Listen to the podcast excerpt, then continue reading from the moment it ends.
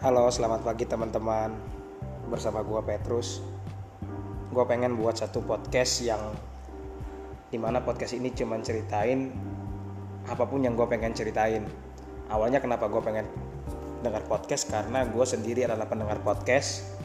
Gue benar-benar suka dengar podcastnya 30 Days of Lunch, bacot pria itu baper disingkatnya sama gue lihat beberapa hari ini teman-teman gue pada mulai buat podcast jadi gue sendiri ya ikut arus kayak begitu. Nah di podcast ini gue hanya akan cerita berbagai hal yang gue pengen cerita karena kebetulan passion gue juga bercerita. Jadi gue pengen ini jadi tempat di mana gue bebas untuk menyampaikan apa pun yang pengen gue sampaikan. Dan kalau misalnya teman-teman gak suka nggak apa-apa. Tapi kalau teman-teman dapat pelajaran ya gue bersyukur aja. Jadi podcast ini nggak akan jadi podcast yang kayak profesional-profesional gimana gitu. Pokoknya feel free.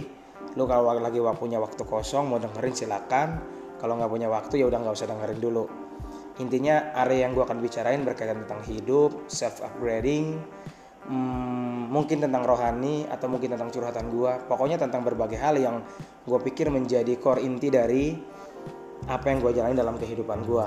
Nah segitu dulu perkenalannya. Semoga kita bisa menjadi pembicara dan pendengar yang baik di podcast ini. Dan gue berharap lewat podcast ini passion gue bukan cuma aja tersalurkan, tetapi lu bisa get something inspiration to make your life get better.